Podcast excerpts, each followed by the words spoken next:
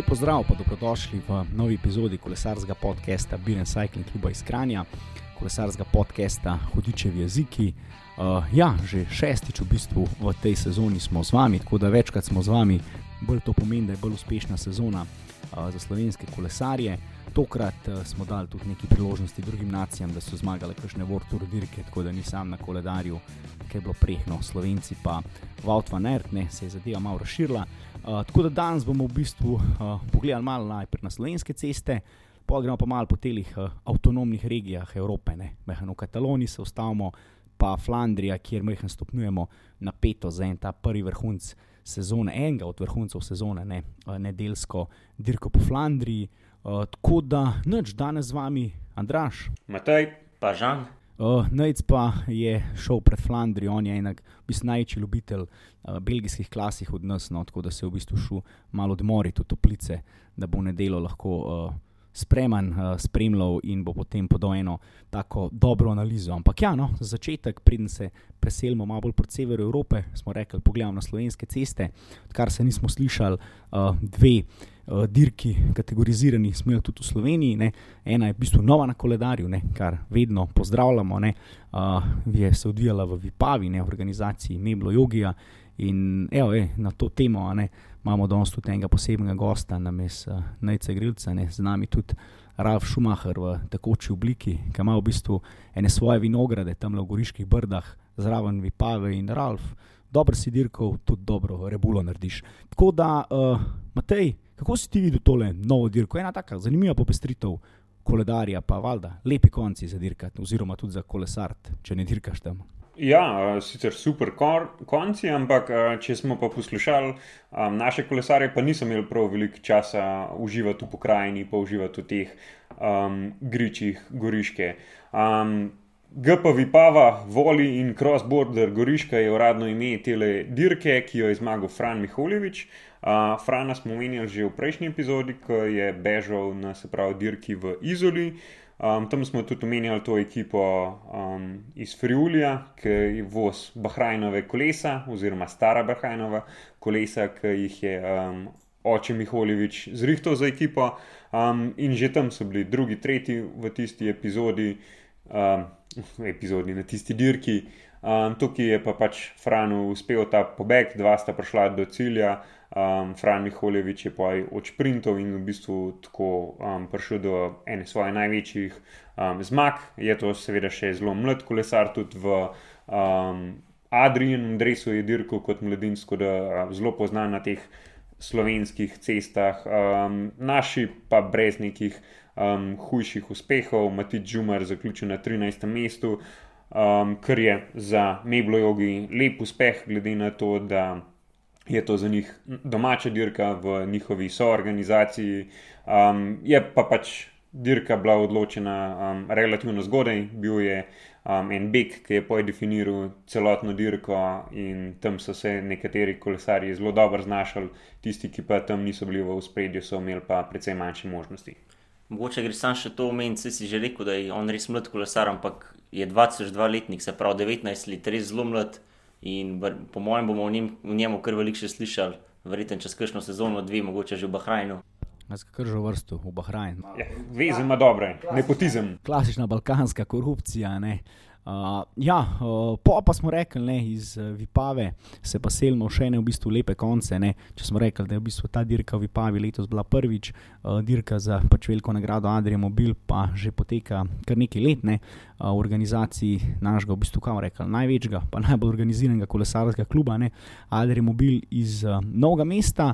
Uh, še ena pač uh, zanimiva dirka s tem klasičnim novomeškim uh, ciljem čez Kandijski most, pa potem na, na Novomeški trg. In uh, v bistvu je en zanimiv zmagovalec, no, Macej Patjerski, aktualni v bistvu polski državni prvak. Dej, če vemo, da ima Poljska kar nekaj zelo dobrih kolesarjev, tudi v Vorturu, verjetno ni tako simpel.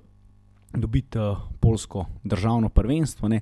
je pa tudi uh, to, že, ne, če smo prej Frana Mihojloviča omenjali kot enega mlado nado, ne, je pa Macej Paterski že bolj na zaključku svoje kariere, da je temu tako reči, no, je že kar presegel 35 let, ima pa kar neki, no, v bistvu ni to kren kolesar, ne, mislim, da me je 5-6 sezon v Vorturu v tistem zelenem drevesu uh, Liquigasa, uh, pa potem tudi v CCC-ju, neki vozu, ki so bili CCC še v Prokontiju. Uh, tako da je bil tudi uh, že v deseterici na Amstel Gold Raceu, pa zmagal dirko po Hrvaški, pa zmagal dirko po Norveškem. Tako da zanimiv kolesar, malo starejšega kova, ki se je zdaj v bistvu malo vrnil na kontinentalno raven, verjetno za v penzijo, uh, naši pa tudi tukaj. No, uh, Predvsej, mi smo rekli, poprečno, no, evo, Viktor Potočki, smo ga že večkrat omenjali, sicer uh, iz Hrvaške, ne, ampak za naš klub, ne Ljubljana, Gusto Santik, potem končal na četrtem mestu, pa v prvi skupini tudi ne David Per, uh, sigurno za pohvaliti, ne David ni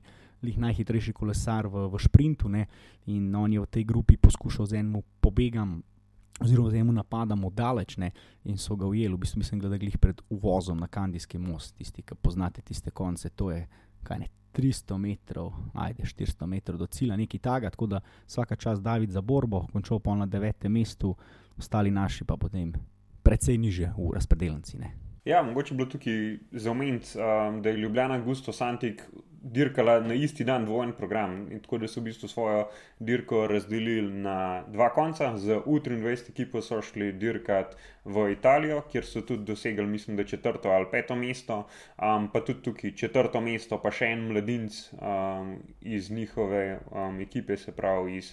Um, Pogi tima se pa nas v se pravi, reprezentančnem drevesu tudi dosti dobro um, odrezal na dirki Gen 2, tako da so ta um, dan kar lepo zaokrožen. No, pa na dirki Gent Wevel je tudi uh, dirko U23, tam že skok v svojo odlično peto mesto. A, tudi na, na ta isti dan. Ja, ja, ja, ja. Tako da tudi ena zelo dobra vrsta. Dylan Hopkins je bil pa potem četrti v Italiji na trofeja Čita di San Vendimiano. Ja, so, to so kar solidni dirke za pač U23 kategorijo.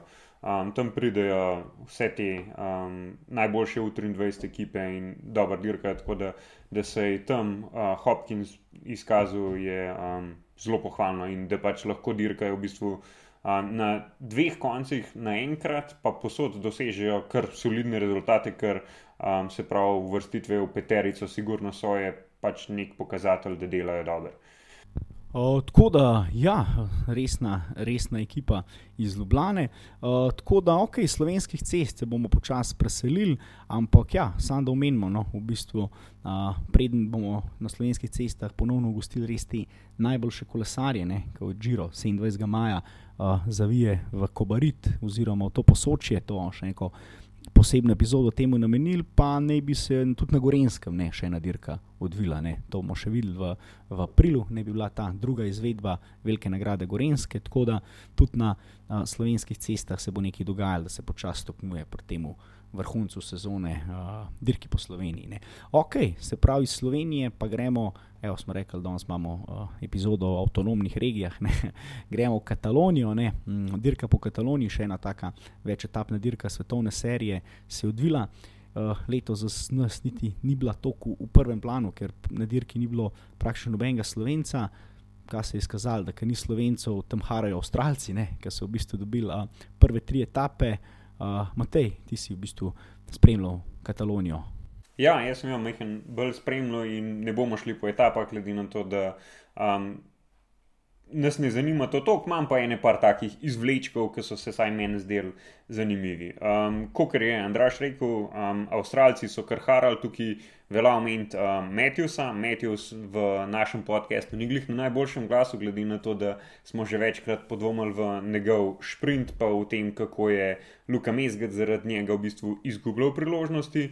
Um, tukaj se bo v bistvu kar zelo izkazal. Prvi je. Um, etapi je zmagal, v drugi etapi, ko so imeli Bike Exchange, kar malo uh, smole, kjer je um, Simon Yates padel, um, pa so potem z veliko večino ekipe ga počakali, sta samo um, Matthews in Groves ostala v spredju in je Matthews pa naredil še en tak super lead out, da je lahko poj Groves prišel do um, svoje prve zmage v Warturu. Tako da to je um, sigurno take plus točke za Matthewsa, dirke sicer ni končal um, je pa v tistih prvih dveh etapah pokazal, da je še um, vsem dovolj dober kolesar, v kar smo nekateri že začeli malo dvomiti. Ja, prva etapa je bila res njemu pisana na kožo, pač ta sprint malo klanc, uh, to so te etape, na kjer on čaka. Mislim, da je tukaj na tej isti etapi zmagal že pred dvema letoma ali tremi. Ja, nekaj takega. Ampak tam je pa tudi uh, Sonic Lobreli, ne, uh, ki je zdravstvene težave v bistvu. Tako, ja. To je padlo v cilju po domačem. Ja, um, nek zastoj srca ne bi bil, oziroma tam um, niso vedeli tudi. Um, potem so uh, potrdili, da je bil nek zastoj srca, ampak niso pa še vedno um, ugotovili, kaj je bil pa tisti um, glavni razlog, da je prišlo do tega. Gre za neko um, težjo zdravstveno težavo, zagotovo uh, Sonja še lep čas ne bomo videli na teh dirkah, um, trenutno je že v Italiji, okreva, ne bomo ga videli zdaj na uh, teh spomladanskih klasikah, upamo pa seveda, da se čim prej vrne na dirke, ker bo tudi za Bahrajn to ena um, dobra ukrepitev, ko se vrne in bo to tudi za uh, naše kolesarje, tam predvsem Mateja Mohoriča, to um, lažje dirkanje. No? Um, naslednja taka štorija, ki jo velja izpostaviti, je uh, dirkanje UAE. Um, videli smo UAE letos dirka super, predvsem zaradi TD-ja Pogačarja in vsakič, ko je UAE na dirki, se ve, kdo je kapetan, ve, kdo, ve se, kdo pije in kdo plača. Um, na tej dirki je prišel UAE z trem kapetanim, Joaom Almeidom, Juanom Ajusom in Markom Solerjem in jaz mislim, da v UAE še kar ne vejo, kdo je bil njihov najmočnejši kolesar, čeprav je že več kot en teden, oziroma ne lažem, um, nekaj dni od dirke. Um, res so na, v določenih etapah dirkali kot dečki, Ajuso je napadal, Almeido, Almeida je napadal, Ajusa. Um, Soler je pa vsem skakal. So, Soler je skakal. Si... Pa Mark Soler pa znan kot timski igralec, ne še iz časov moj star. ja, ampak tukaj je bil Soler tisti, ki mu dejansko najmanj masla na glavi. Um, ker je res mešan. In to mene malenko skrbi, glede na to, da se Juana Ajusa um, opisuje, oziroma se od njega pričakuje, da bo mogoče en pomembnejših pomočnikov za TDA po Gačarja v prihodnosti, um, ali na letošnjem turu, ali pač v naslednjih letih, je zdaj že na dveh dirkah pokazal, da on ne zna res se podrediti vlogi. In se pravi, na tisti dirki, ki jo je zmagal Jan Polanc. Um, sta bila takrat dva v spredju, pa Juso ni hotel zastopati, da ni sam na dirki, ko zdaj na tej dirki po Kataloniji um, je z nekaterim res vprašljivim odločitvam postavil Žuao Almeida v um, saj kočljiv položaj in zaradi tega bo to sigurno neka dinamika, ki jo bo vredno spremljati. En tak movi star v malem bi lahko rekel temu. No? Ja, po mojem, on še zmeraj ima navaden teh uh, taktik iz mladinskih kategorij, ki vse en manj taktike, pa je bolj, kdo je najmočnejši, ta zmaga. Ampak uh, po, po drugi strani pa se mi zdi, da so oni šli že na to dirko s tem, da so dal verjetno vsem tem trem nekako proste roke. No? Ker v nasprotnem primeru dvomim, da bi si tako skakali en drugemu. Ja. Mislim, verjetno tudi to ne, ker v UAE letos smo gledali, kadar je dirkal Pogačar, sigurno in tudi kadarkoli bo dirkal Pogačar, on nesporni kapetan ekipe, ne samo si podredijo.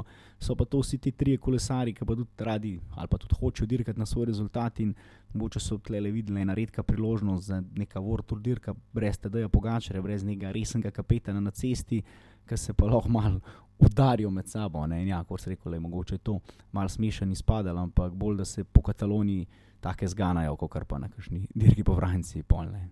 Ne, to se definitivno strinjam. Ampak ja, um, je bila zdaj ta druga situacija, ko um, Juana Juso nekako ni znal sploh delati za so tekmovalce. In če bi bil to osamljen primer, bi rekel, tako kot um, je pač rekel Andraš, ja, ok, hotel so se mu pokazati, glede na to, da se je to spet nekako pojavilo, mene vsaj malinko skrbi. Um, še nekako zadnja omembe vredna um, stvar je bil pa ta v bistvu pobeg, ki je definiral dirko. V četrti etapi um, so že na prvem klancu pobegnili trije kolesari, uh, ne, lažem, ni bila četrta, um, peta, po mojem, bila peta ali pa celo šesta. Šesta, tako je. Uh, šesta, se pravi, uh, Richard Karapa, Sergijo Igita in pa Luke Plek so že na prvem klancu dneva pobegnili, oziroma niti ne pobegnili, pač odpeljali so se skupini, um, UAE je bil tako kot celo dirko na levi nogi in zaradi tega um, so rabili precej časa, da so odreagirali, tudi v se pravi prvi zasledovalni ekipi od UAE ni bilo teh ta glavnih kolesarjev in zato so mogli pa iloviti, pa tam niti nismo vedeli, v koliko dobri dnevni formi je Joao Almeida, ki je nosil majico vodilnega, Luke Plep je šel pa do daske, kot rečemo, odpeljal se prav do vrha tega um, klanca, tudi po še nekaj časa vlekel, um, pa pa sploh um, ni počakal skupine, zapeljal stran, se usedel v avto in rekel, da ima pač dosti tega, um, tudi ni zaključil um, etape, ampak v tistem trenutku sta imela um, Igita in Karapas, mislim, da okrog dve minute prednosti in ta prednost je pa um, še nekako narasla, ker se tudi v zadju um, ni vedel, ali bo UAE lovil, oziroma UAE je probal loviti, pa niso bili dosti močni, ker med drugim Ajuso ni um, hotel vleči in pač en kup enih takih kolobocij. Uh, na koncu sta prišla um, Richard Karapas in Sergijo Higita um, sama v cilj z 48 sekundami prednosti, in to je bilo tudi dovolj, da sta končala na um, prvem in drugem mestu v skupnem seštevku, um, Higita na prvem, Karapas na drugem. Prav tako, južno, južnoameriški uh, vrh. Ja, še enkrat več se je pokazalo, da je v bistvu kolesarstvo res ekipni šport in tukaj ni bilo nobene ekipe tako dominantne oziroma tako osredotočeni na ta končni rezultat, da bi lahko to naredila, če bi bila pa tukaj, recimo, ne vem, Jumbo, Visma s Rogličem ali pa tudi UAE, konc koncev s Pogačarjem, pa ne mu podrejeno ekipo, bi pa verjetno tudi ta beg bil zatrd že v Kali.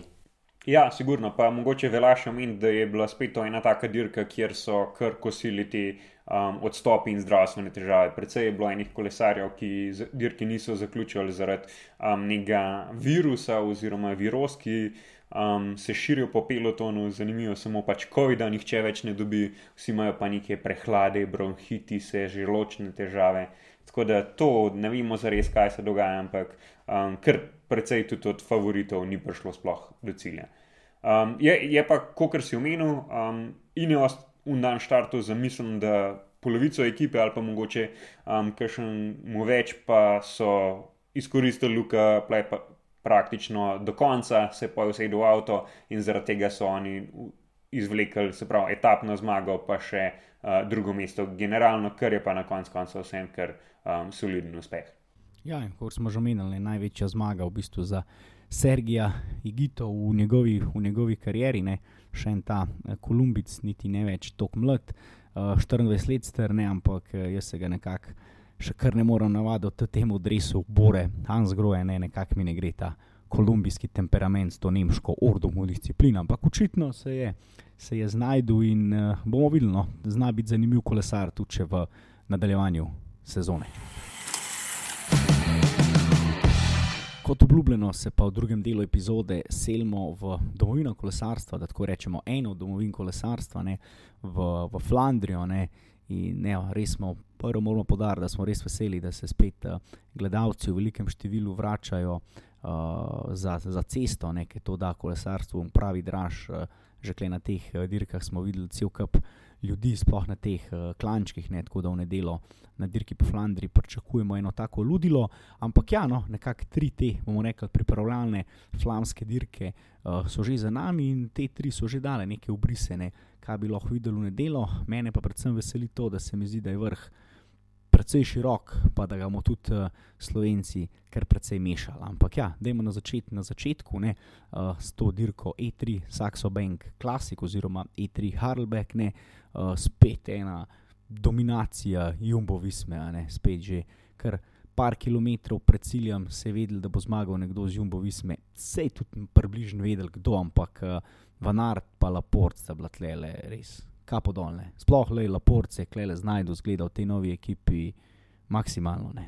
Ja, v bistvu že koliko je bilo 40 km od cilja, ali koliko je bil Paterberg, se pravi, to je ta en od dveh znamenitih klancev, ki sta tudi na Flandriji, je v bistvu Vanart sprožil napad in nekako nepresenetljivo mu skoraj nihče ni mogel slediti, mogoče malo presenetljivo, edini, ki mu je lahko sledil, je bil pa Laporta.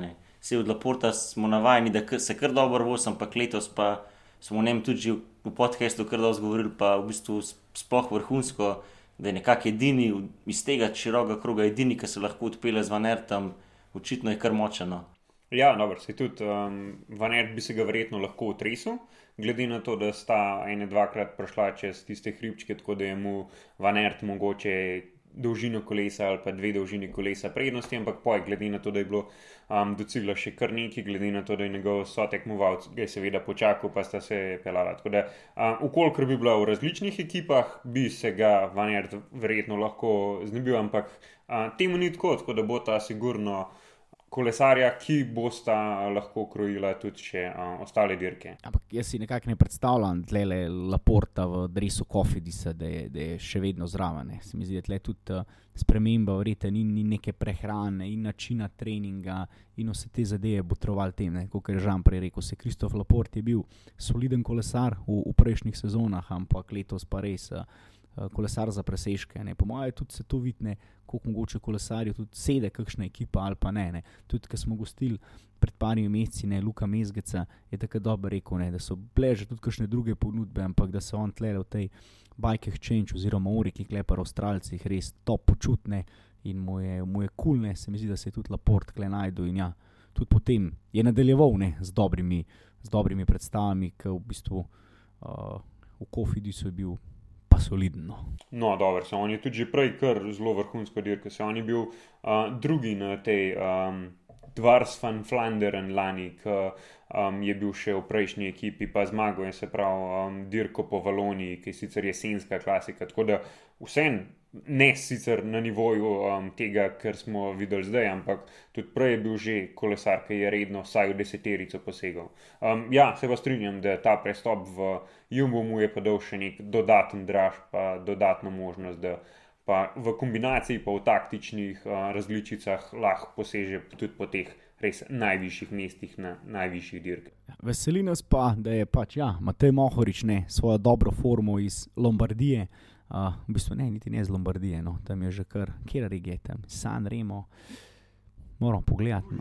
Ligurija, ne, ja, mislim, da ja, iz Ligurije in pa, je dobro, ja, Milano je pa pre, pre, prestolnica Lombardije, mislim, da. Ja, ja, ja. Piemont je pa je Torino. Zaupam, da nas ne poslušajo naši profesori geografije. Ampak mislim, da smo.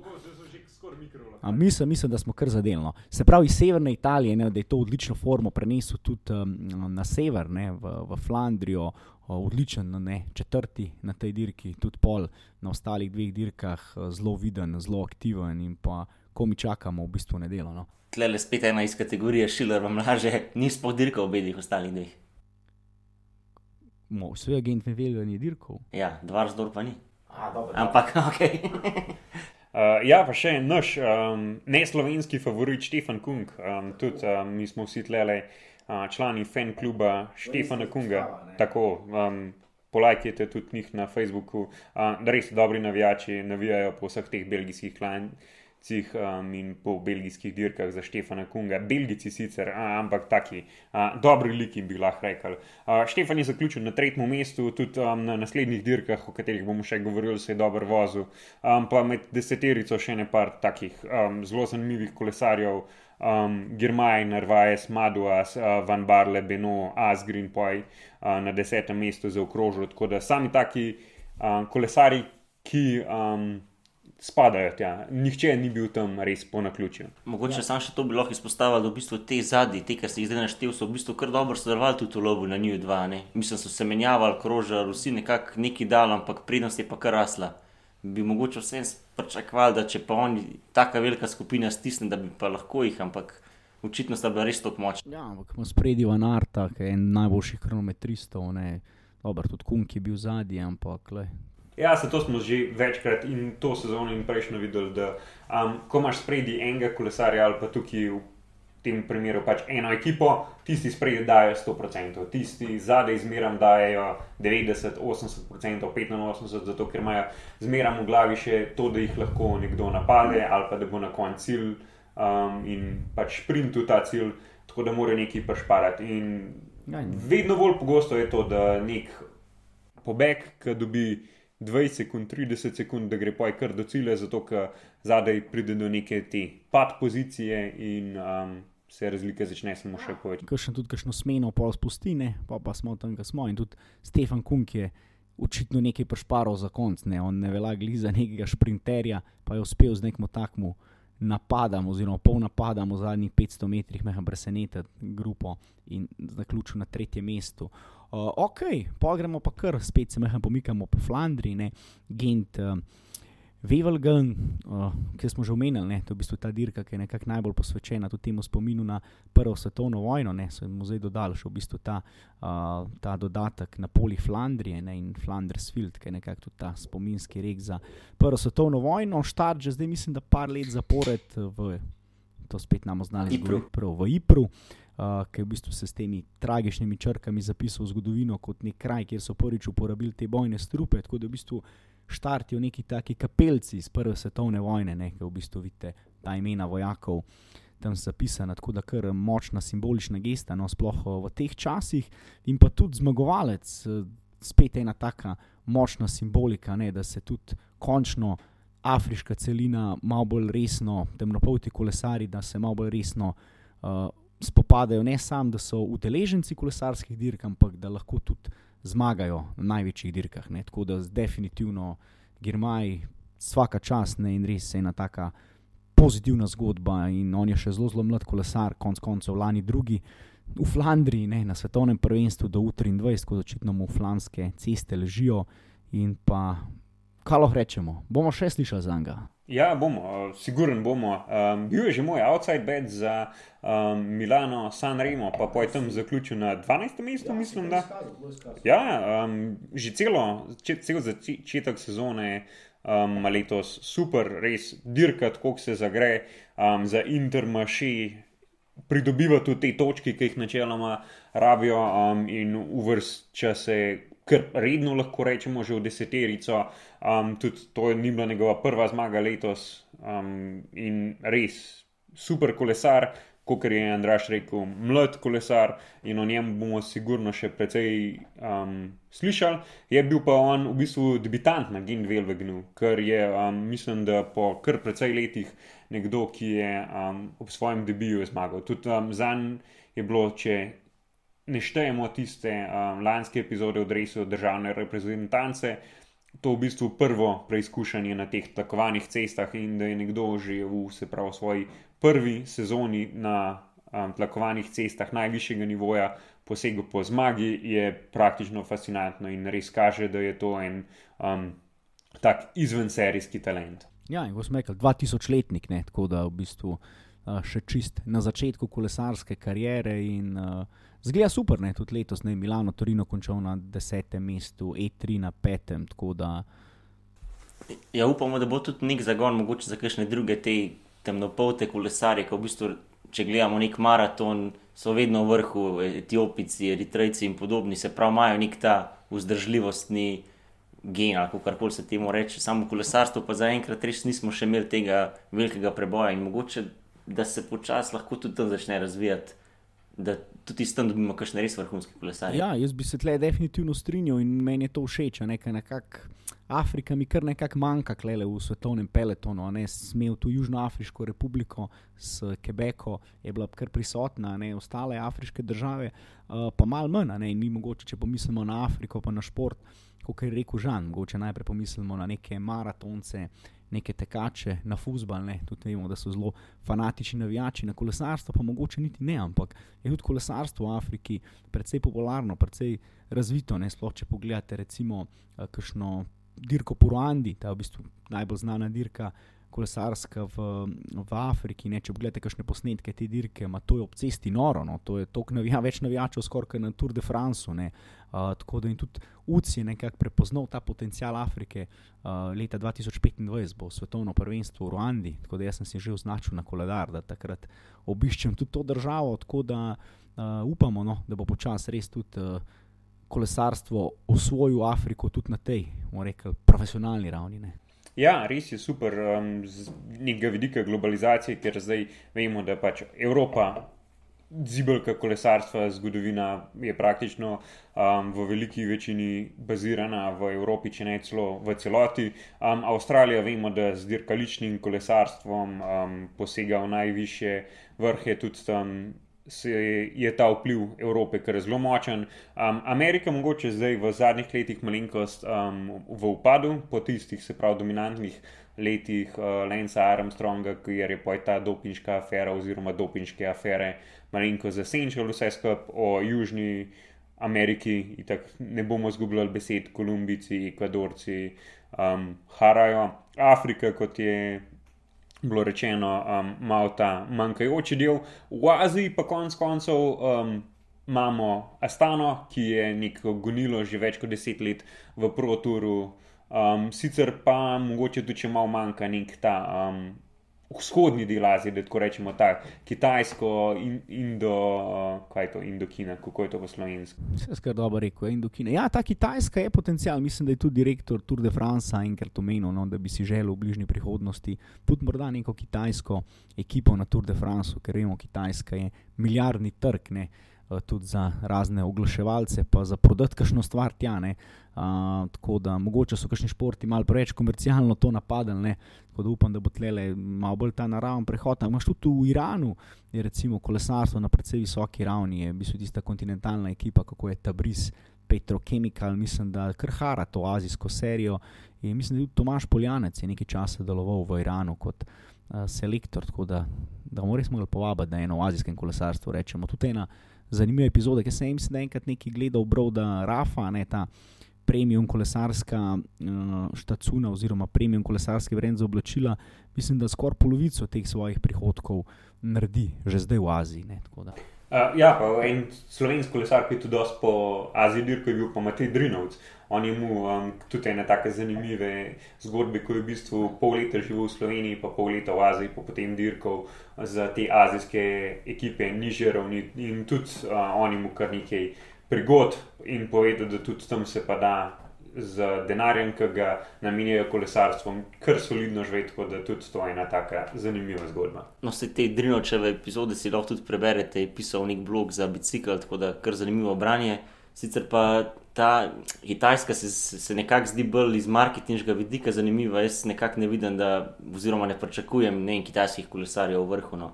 Medtem ko afriški se mi pa zdi, da bi pa lahko da imajo nekako večji potencial v smislu, da bi dosegli tudi vrhunske rezultate. Ja, no, tako da bomo videli, no, da ne gremo preveč v, v, v prihodnost, ne, da se vrnemo nazaj eh, spet v, v Flandrijo. Uh, ja, na tej dirki spet ne, se je izkazal že prej omenjeni Matej Mohorič.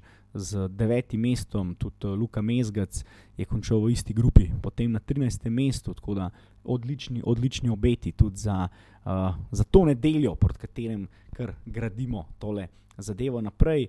Uh, bi še kaj takega omenil, kar se tiče Genta. Uh, mogoče samo to, da preomenjeni Kristof Laport je tle le kar mal prokotsko, mogoče zmago. Ne? Se mi zdi, da je Girmaj skočil.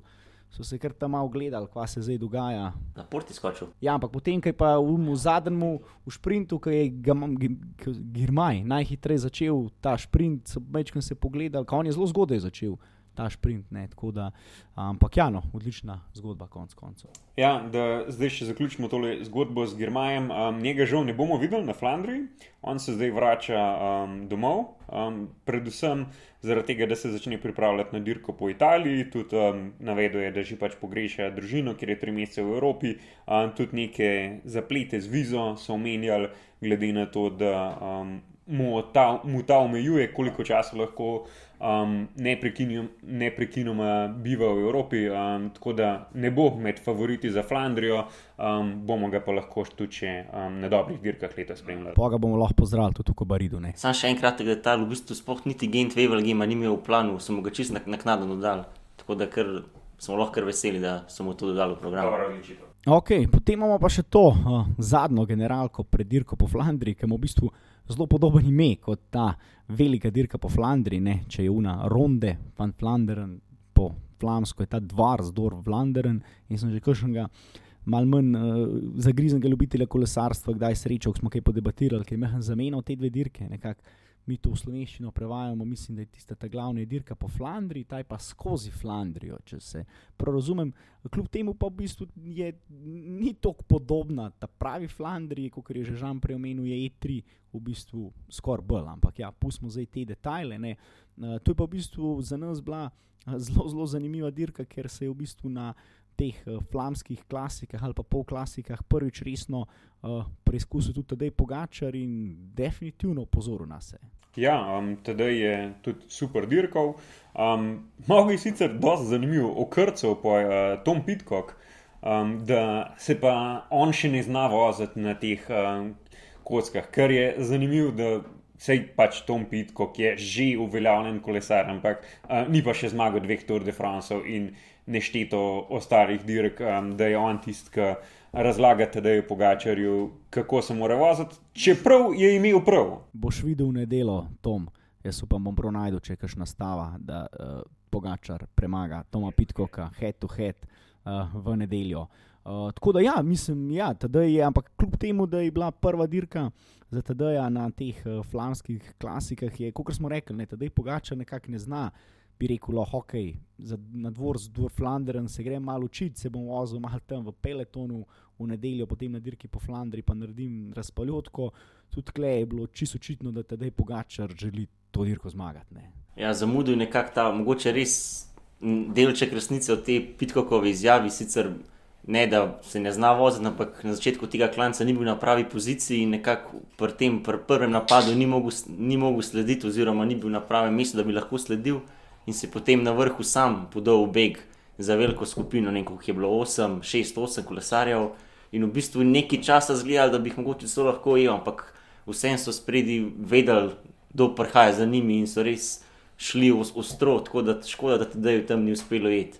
Ja, pa če že govorimo o teh kolesarjih, ki ne znajo se prideti na dirko. Um, sama opelat je tukaj definitivno za omen tudi um, Matijo Vanderpola, ki je na koncu tudi dirko zmagal. Za njega je bil to v bistvu šele. Um, tretja dirka, ena etapna vmes, sicer tako da ima nekih osem. Sedem, sedem dirk, mislim, da je imel prej v nogah. Ne. Sedem dni dirk. Sedem dni dirkanja, je pa tretja dirka kot taka. Ja.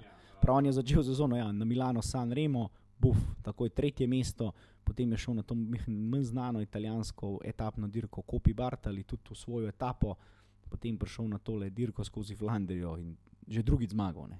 Ja, uh, tako da on je v bistvu prišel v cilj z Tišom Benotom, še enim orožjem, uh, Jumbo Visme, ki ga mogoče nepošteno do zdaj še nismo omenili, tudi on se je že um, prej. Uh, v tednu, oziroma v prejšnjem tednu, zelo dober vozil, tudi bil tisti, ki je um, diktiral precej močen tempo, da so lahko uh, so tekmovalci um, žal, uh, žil sadove njegovega dela. Um, pa potem še ne vem, zelo zanimivi kolesarji v deseterici. Um, Tom Pitko, ki je že omenjeni, tudi on se je super vozil v tistih, se pravi, zadnjih um, kilometrih, ko je šlo res, res, res na nož um, je on večkrat poskusil z napadi in tudi um, lovljenjem, bil v bistvu edini um, tekmovalec, ki je mu so tekmovalca v, vodilni, od, v tej vodilni skupini osmih. Um, pa Viktor, Kampernac, um, Nils Polic, spet um, Štefan Kung, um, pa nekako presenečenje um, Kelden O'Brien, ki ga nekako nihče verjetno ni um, pričakoval tukaj. Um, potem pa že na 9. in 10. mestu Jan Tratnik in tedaj Pogačar, ki vsem dve uvrstitve v deseterico na Vortur dirki, to je vsem dirka najvišje ravni, čeprav mogoče v senci uh, dirke po Flandriji, to je en super rezultat. Ja, definitivno pa tle velja umetno, še enkrat pohval tudi Jana Tratnika, ki se je spet vozil vrhunsko. Omenjali smo ga že v prejšnji epizodi, ne, kako je uh, profesorsko odvozil tudi Milano San Remo, ne, tudi tukaj le je potem, ko je tedaj Pogačar, v bistvu, ko ga je ujela ta večja skupina, ki ga je ujel ta peleton, se je tedaj Pogačar takoj postavil spredaj ne, in nakazal željo, da se še ni predal. Ne. Tudi najverjetneje je bil odgovoren za en tam padec na začetku glavnine, potem pa že mislim, na naslednjem klančku, potem Jan Tratnik prišel spredaj. Za kurbo to svojo mašino, sploh ni kuhal v zico, ampak sam šel do daske in naredil, naredil razliko, in se je odpeljala ta manjša skupina. Tako da res Jan Tratnik, uh, vsaka čast, tudi potem končal dirko skupaj s Dejem Pogačarjem v deseterici in uh, še en kolesar, no, še en slovenc, ki bo v špilu tudi za v nedeljo, ne, sicer v nedeljo na dirki po Flandriji, verjetno v službi uh, Mateja Mohoriča, ampak ja, pač nikoli ne vemo, kakšen je razplet, ne, doskrat ne vem. Mi smo tudi razplete, ker so se ti glavni favoriti zelo gledali med sabo, vsi markirali en drugega potem je pa dirko po Flandriji zmagal Alberto Betiol. Ne. Tako da, ok, nedelja, 3. april, ne, nas čaka ena največjih kolesarskih klasik. Ena od največjih, ena od dveh, mogoče največjih kolesarskih, ena od največjih. Največja, največja, definitivno. Ne, me je tudi Pariz, Rube, bomo, bomo to enkrat še podebatirali. No. Ampak v glavnem, ok, uh, res uh, klasika, klasik, ne tule v, v Flandriji, ne Ronde van Flandern, dirka po Flandriji, uh, 200. 70 oziroma 272 brutalnih kilometrov, ne. začnemo že zgodaj do povdne v Antwerpnu, uh, kjer bo štart tudi uh, svetovnega prvenstva, samo svetovno prvenstvo je potem zavilo proti vzhodu, dirka po Flandriji pa potem zavije uh, proti zahodu, proti Odenardu, kjer je potem cilj, vmes pa še cel kup teh klančkov. Ne. Ampak ja, niso to te klanci, ki smo jih mogoče mi, gorenci, navajeni ali pa iz teh alpskih držav, neko je 6, 7, 12, tudi 20 km dolg klanc, ampak to so te kratki klančki, kilometr, kilometr 200, nekateri še 8 minut kilometra, zelo strmi, zelo oski, zaviti v vinki, boj za pozicijo, že da prideš ti na pravo pozicijo na klanc. Tako da uh, vedno, vedno zanimiva dirka in pa spet s njimi. bomo rekli, epskimi uspončki na Kreuzberg, Ode Kvarmont in pa Paterberg. Ja, po teh klancih, ki jih napadajo kolesari, mogoče je najbolj podobna tej dirki E3 Saxo Bank oziroma E3, kako se že imenuje letos. Um, predvsej teh klančkov bomo videli, nekatere enkrat, nekatere dvakrat, in tam se bodo definitivno um, zgodili neki ti napadi, ki bodo odločali sestavo ciljne skupine. Uh, koga bomo tam videli, je pa zelo odvisno od več dejavnikov. En izmed ključnih je pa definitivno tudi to, kdo bo sploh štartal na tej dirki.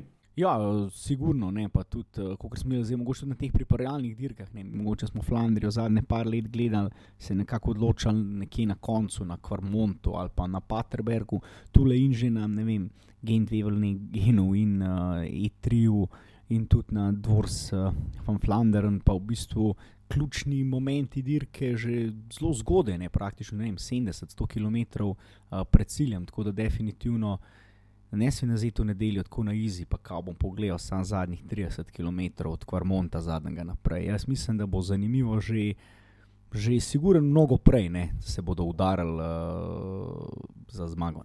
Ja, treba je povedati, da te dva najbolj znamenita klanca, Paterberg pa Ode Kvaremont, sta v bistvu nekje tam približno 20 km do cilja, sta pa tudi v zaporedju že približno 50 km prej, tako da marsikdo iz te druge vrste favoritov bo mogoče že takrat probal iskati svoje priložnosti, ne čaka čist do konca, čakati napad s kakšnim napadom za presenečenje. Ja, ali pa mogoče tudi kdo iz prve vrste favoritov, ki mu bolj uh, odgovarja to, da naredi dirko težko, da um, beži precej kilometrov do cilja, nekdo tak kot naprimer Tedej Pogačar. On bo sigurno že pač um, napadal prej in mogoče njega lahko vrstimo v tisto prvo skupino favoritov, mogoče drugo skupino favoritov, najmanj v drugo, um, ampak dajmo se najprej osredotočiti na to prvo skupino favoritov in tega prvega favorita, um, ki bo, če bo nastopil, to je Vaut van Ert. Uh, Vaut van Ert um, je danes spustil ogled trase, to je v bistvu že dogodek pred velikim dogodkom dirke po Flandriji. Uh, Jumbo Visma je omenila, da se ne počuti prav dobro, da ima neke zdravstvene težave in da je njegov nastop pod velikim vprašanjem. Tako da um, Vkolikor ga ne bom, bo to tudi precej zamajalo neko taktiko Jumbo Visme, ki ima še vedno par um, zelo močnih kolesarjev z Tišem Benotom in Kristofom Laportom na čelu. Um, ampak bo zagotovo to en kar precejšen handicap za Jumbo Vismo. Ja, Jumbo bo mogel svojo taktiko, če van Erta ne bo prilagoditi. Sicer je pa Laport dokazal, spoh na E3, da jaz bi ga vrstil kar v nekako prvo vrsto favoritov poleg recimo Vanderpola, ki je v odsotnosti Venarta nekako najbolj ta izrazit in pa recimo Asgrina. Ja, pa verjetno tudi, eh, če res Art eh, tukaj ne bo na štartu, ne, kar bo za Belgice, ki bodo po nemcem na dveh letih spet lahko stali za cesto tega spomenika, verjetno kar razočaranje, da ne bodo tu le videli belgijskega prvaka.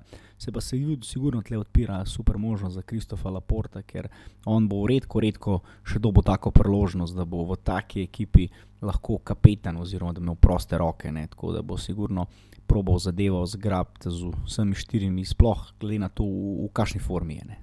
Ja, jaz v prvo vrsto favoritov nekako dajem še Maca Pedersena. Mac je kolesar, ki že se pravi celo pomlad v dobri formi. Tudi debatirali smo že, da se zna voziti dobro na um, dolgih dirkah, to je že pokazal na svetovnem prvenstvu, kjer je takrat tudi zmagal, zna se dobro voziti tudi živ, ki je tudi napovedan za to nedeljo. Tako da on bo. So ne, kje si ti gledal napoved, Matej, ker mislim, da v nedeljo klemen kar sončno kaže. Ja, no, za kraj že mogoče, za Belgijo, poglej, kakšen bo tam. No, glavno, kakršno koli uh, vreme bo, Mats Pedersen bo um, verjetno v najslabšem primeru v tisti širši um, krok favoritov uvrščen. Da, um, tam je pa kar dosti kolesarjev, pa mislim, da um, od Quickstepa bi mogoče lahko tam še koga najdel, pa Lota um, in siguren je kar dosti enih teh kolesarjev, ki jih lahko um, tam najdemo. Kdo je pa vama izmed te druge vrste favoritov, takega, ki se ga splača omeniti? Jaz bi najprej mogoče malo podvomil v Pedersena, se mi vsem zdi, da so ti kratki, ekstremno strmi klančki mal preveč težki za njega. Zdaj, če pride zraven čez vse klance 200 km od cilja v sprintu, sigurno je favorit, ampak bo mogel najprej tja čez prijetno. Um, od ostalih pa težko reči, pa so pa recimo tukaj Mohorič, King, sta oba že pokazala super formo pa ne vem, meni nekako se zdi, turži je vedno zraven, tako da on je meni en takih mogoče mal skritih favoritov. O, ja, jaz tudi uh, ti Matej rečem, da s tem le macam, Pedersenom pogumna, pogumna napoved. Tudi jaz ga, ga ne vidim tako visoko, se mi zdi res en tak kolesar sistema, toplo, hladno. Ne? Če smo že preumeli, da je pogačar, ki praktično na vsaki dirki, ki nastop, gre, gre na zmago, je, je viden, ne? ga non-stop vidimo na kamer, za Pedersena, za pol dirk, sploh ne veš, da dirka, ker se skrije nekje v peletonu in je to Tom, ampak ja, konc koncev, če je bil um, svetovni prvak, ne, in to ni.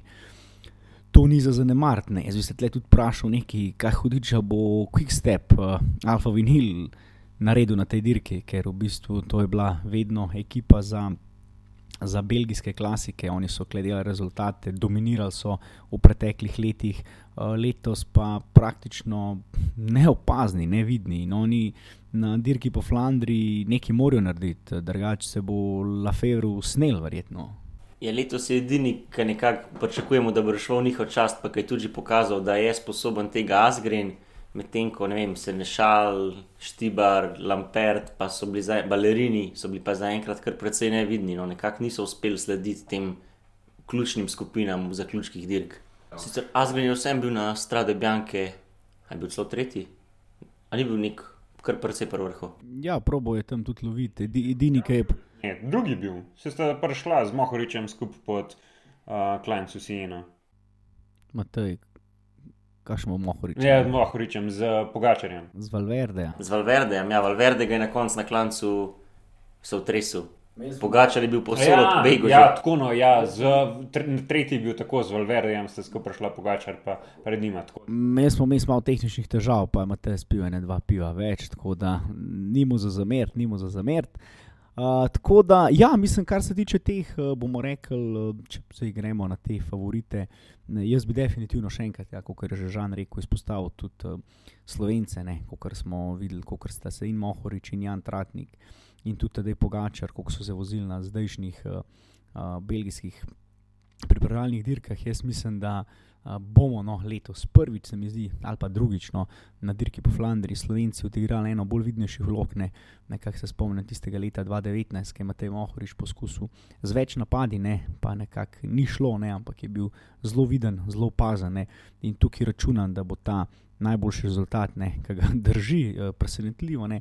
Simon Špilak iz leta 2008, uh, eh, ko je dirko končal, mislim, da na 8. ali uh, 9. mestu, se mi zdi, upam, no, da bo ta rezultat v, v zelo veliki.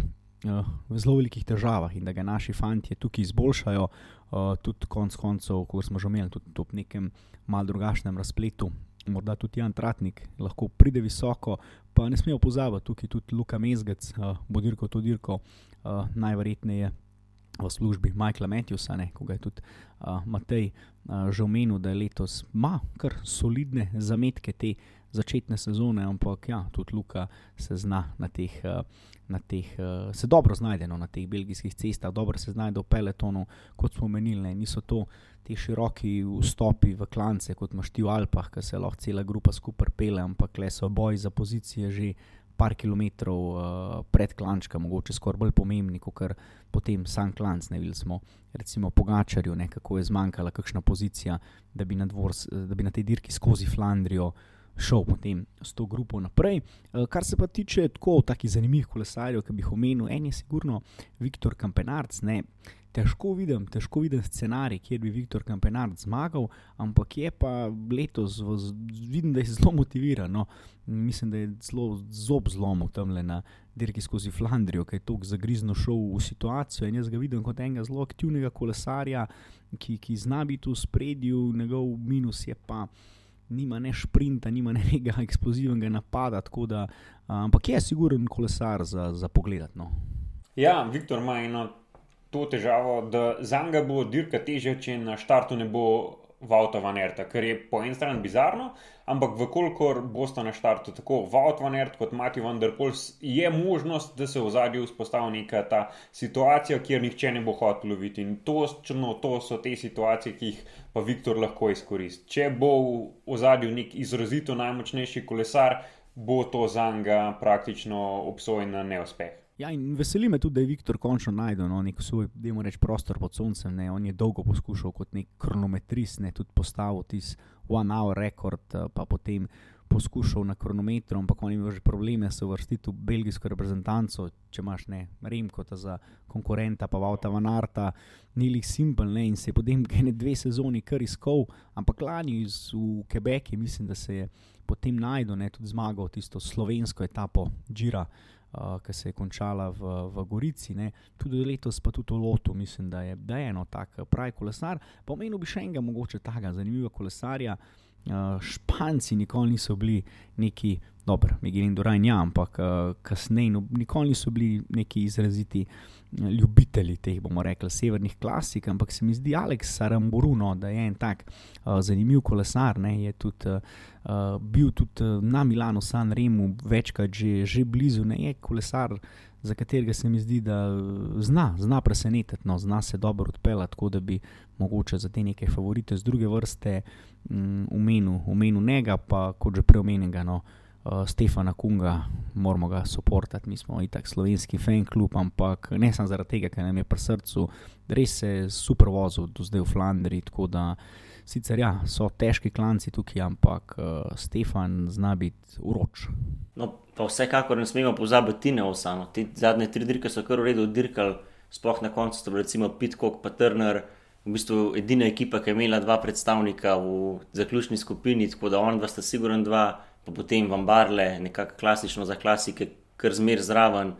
Narvaj sem imel malo smole s pacom, sicer tudi on kar opasen. Tako da mislim, da na Ineos ne smemo no, pozabiti. Pa tudi moramo se zavedati, da v bistvu Pitkok je eden redkih, ker recimo lahko sledi tudi napadom, ne vem, Vanderpola, Pogačarja in podobnih. Ne. Ker nekako največji problem, recimo Mohoriča, je to, da v klanc zelo težko pobegne tem eksplozivnim pančerjem nekih pravih spustov, pa v bistvu tukaj na Flandriji ni, da, da bi on lahko naredil razliko. Ja, Tlemu potopno ne bo prav prišla. Ne? Uh, ja, pa imamo pa še pač nekaj teh kolesarjev, kjer je forma vprašljiva, oziroma kjer jih nismo zares videli. No, en tak kolesar, ki se je v preteklosti dobro vozil, je Sigrun Džani Moskon. Uh, letos v Dresu Astane, um, njega smo videli, da so mu te dirke praktično pisane na kožo, da je dovolj močen kolesar, da lahko kroji uh, vrh. Zdaj v um, preteklem mesecu jaz nisem niti slišal za njim, tako da prav visokih pričakovanj nimam, ampak če se bo pa slučajno pojavil tam v um, vrhu dirke, pa ne bo neko popolno presenečenje. Um, pa konec koncev tudi Alfis in Phoenix nima um, samo Vanderpola, tudi Jasper Philipsen je um, zelo močen kolesar, pa Michael Google, ki je mu lani preblisk na uh, Strade Bianke, bi lahko um, tukaj bil zraven in tudi um, še nekaj kolesarjev. Pa um, večni talent, Seb Van Mark za Izrael, ki ima letos kar um, obupno sezono, pa še bi lahko našteval in še. Ja, mislim, ja, da ne bomo zdaj našteli uh, vseh nekih stopa, nekih kolesarjev uh, z dirke, uh, ki bojo štartali na dirki. No, definitivno bo tole v nedelo uh, 3. aprila zelo, zelo uh, zanimiva zgodba, kot smo omenili. No. Jaz mislim, da ne računati na to, da te gleda za zadnjih 30 km. Uh, mislim, da se bo začelo dogajati že veliko prej, da bo res neko mesarsko klanje, bojno izpadanje. Vrh je res širok. No. Uh, se mi zdi, da v zadnjih letih še nikoli ni bil tohnem. Spomnim se dirke po Flandriji, par let nazaj, ko je bil vem, glavni favorit Petr Sagan, pa mogoče kakšen quick, iz Quickstepa, zdaj pa to že tone, da smo pa našteli praktično nekaj deset kolesarjev. Uh, sploh mogoče reči, če bo Vaut van Art, uh, mogoče malenkost mali stopane, če bo on odsoten, potem je vrh res širok, različne opcije, različne strategije so klele v, v igri in uh, pravi, ko mi čakamo, da zapelejo na tele uh, tlakovane uh, flamske ceste in pa da odfurajo to, no, dirko v Flandriji. No, pa dajmo pa kar narediti neko našo napoved, da vsak izpostavi dva ali pa tri kolesarje tega, saj enega iz um, tega drugega plana, ali pa da rečemo tako outside bed, kdo bi lahko bil um, na zmagovalnih stopničkah oziroma na najvišji izmed njih. Um, se kdo jav? Um, Kar začni, da malo še razmislimo. Uh, ja, jaz bom ustrajal pri um, mojemu najljubšemu dancu, dancu Macu Pedersnu. Uh, jaz mislim, da je on res pripravljen na to. Um, in da bo, siguren, dober dirkal. Um, potem še en tak, v katerega res nekako polagam upe, je um, vsem Matej Mohorič, pokazuje, da je v super formi, pokazuje, da se zna dobro voziti. Um, mogoče tisti, ki ga pa sploh še nismo omenjali, pa se tudi solidno vozi na teh dirkah, je pa Nils Polit. Um, zdaj v Bori spet ponovno malenkost uh, zaživel po tistih, da moramo reči, malo zgubljenih epizodah v uh, Izraelu, je nazaj, zna se dobro voziti, mogoče ne bo glih zmagal, ima uh, pa precej dobre šanse, da bo deseteric. Ja, jaz bom uh, kar kratek, no. uh, tedaj Pogačar, pa Aleks Ramburu, kot ta druga vrsta. Ok, pa, pa jaz izberem Kinga, pa Tržija. Pa mogoče, no, evo, um, Nec je še prosil, da še njegovega, nek, nekako tega skritega favorita izpostavimo, ki je v bistvu tudi uh, zelo dobro odpeljal, um, se pravi, Gent Wevelgem, to je Van Gestel, um, ki se nekako na koncu znajde v tej zaključni skupini, v svojo tretje mesto, zato ta direktor enerži dirka, tudi on je eno tako njihovo orožje, ki mogoče lahko presenetno. Ja, je pa tukaj vse zdaj malo tako pod predpostavko, da Vaud van Erc um, najverjetneje ne bo prisoten na dirki, ker verjamem, da vkolikor bi bili prepričani, da bo na dirki, da bi ga vsaj kdo od nas uvrstil med te favorite. Ja, ampak se tako veš, na glavnega favorita se nikoli ne splače staviti, je kvota enostavno premajhna. Ne? Če hočeš še en evro dobiti, moraš zmerno tvegati. To je tudi res. Ja, tako da evo, v nedeljo 3. aprila nas definitivno čaka eno zanimiv, zanimiv dan. Tudi, uh, napoved vremenska za Slovenijo ni najboljša, za Flandrijo je dejansko malo boljša. Uh, tako da lahko boste zadevo pogledali, uh, nažalost, še zmeraj na slovenskih televizijah, ne angliško na Eurosportu. Uh, oziroma, uh, kje drugje, uh, čakajo nas, ja, kot smo rekli, no, neki ti epski usponi na Kvarmont, uh, Kreuzberg, Paterberg, jaz že komi čakam, spet uh, polno, polno gledalcev, ne, ker nekako ni isto, če se tam vozijo, pa uh, ni benga tam, ki to zgleda, kot mi, ki gremo za rundo na podbrezje. Treba, da so gledalci, da je ludilo, da poka. Nismo že videli, kako so flanci. V bistvu Belgijci, nori na kolesarstvo, smo imeli tudi mi priložnost doživeti, no, ker smo bili na svetovnem prvenstvu uh, lani, ja, v bistvu lani, zdaj že v Flandriji, kako v bistvu na umu krogu v Luvnu ni bilo. Ma ni bilo metra prostora, da bi se kam za ograjo postavil, ki šel po pivo, si mogel kar še ga zadolžiti, da ti je čuvo mesto. Da, resno, ena odlična atmosfera se obeta in jaz upam, kot sem že rekel, no, da pade tudi to, špila kot rezultat in da naredimo spet en, en presežek slovenci. Da, no, če mi čakam, mi pa se slišmo potem vmes, ne smo rekli, da bomo naredili še eno epizodo med uh, Dirko v Flandriji uh, dirko Pariz-Rubene, severni peku, razen ko že imate rekel, če kažem Slovenc zmaga, bo pa še ena specialka.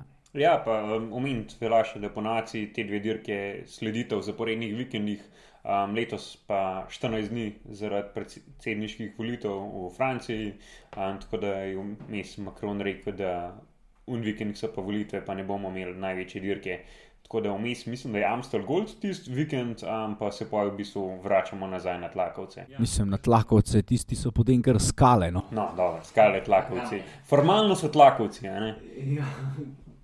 Oni, ki so imeli priložnost to voziti, pravijo, da to ni niti malo tlakovcem podoben, da to je kot nekdo neke skale z enega helikopterja na metu in potem probaš potem. Ampak ja, v Parizu rubejo več v uh, naslednji epizodi, tako da ja, no, uh, mi smo tole pripeljali do konca lahko nas polajkate, ne kva smo zdaj rekli. Facebook, Instagram, Biren Cycling Club, Facebook, hodičo jeziki, najdete nas na teh podcast aplikacijah, pa noč uh, eno uspešno uh, nedeljo. Ne? Ja, Zdravo.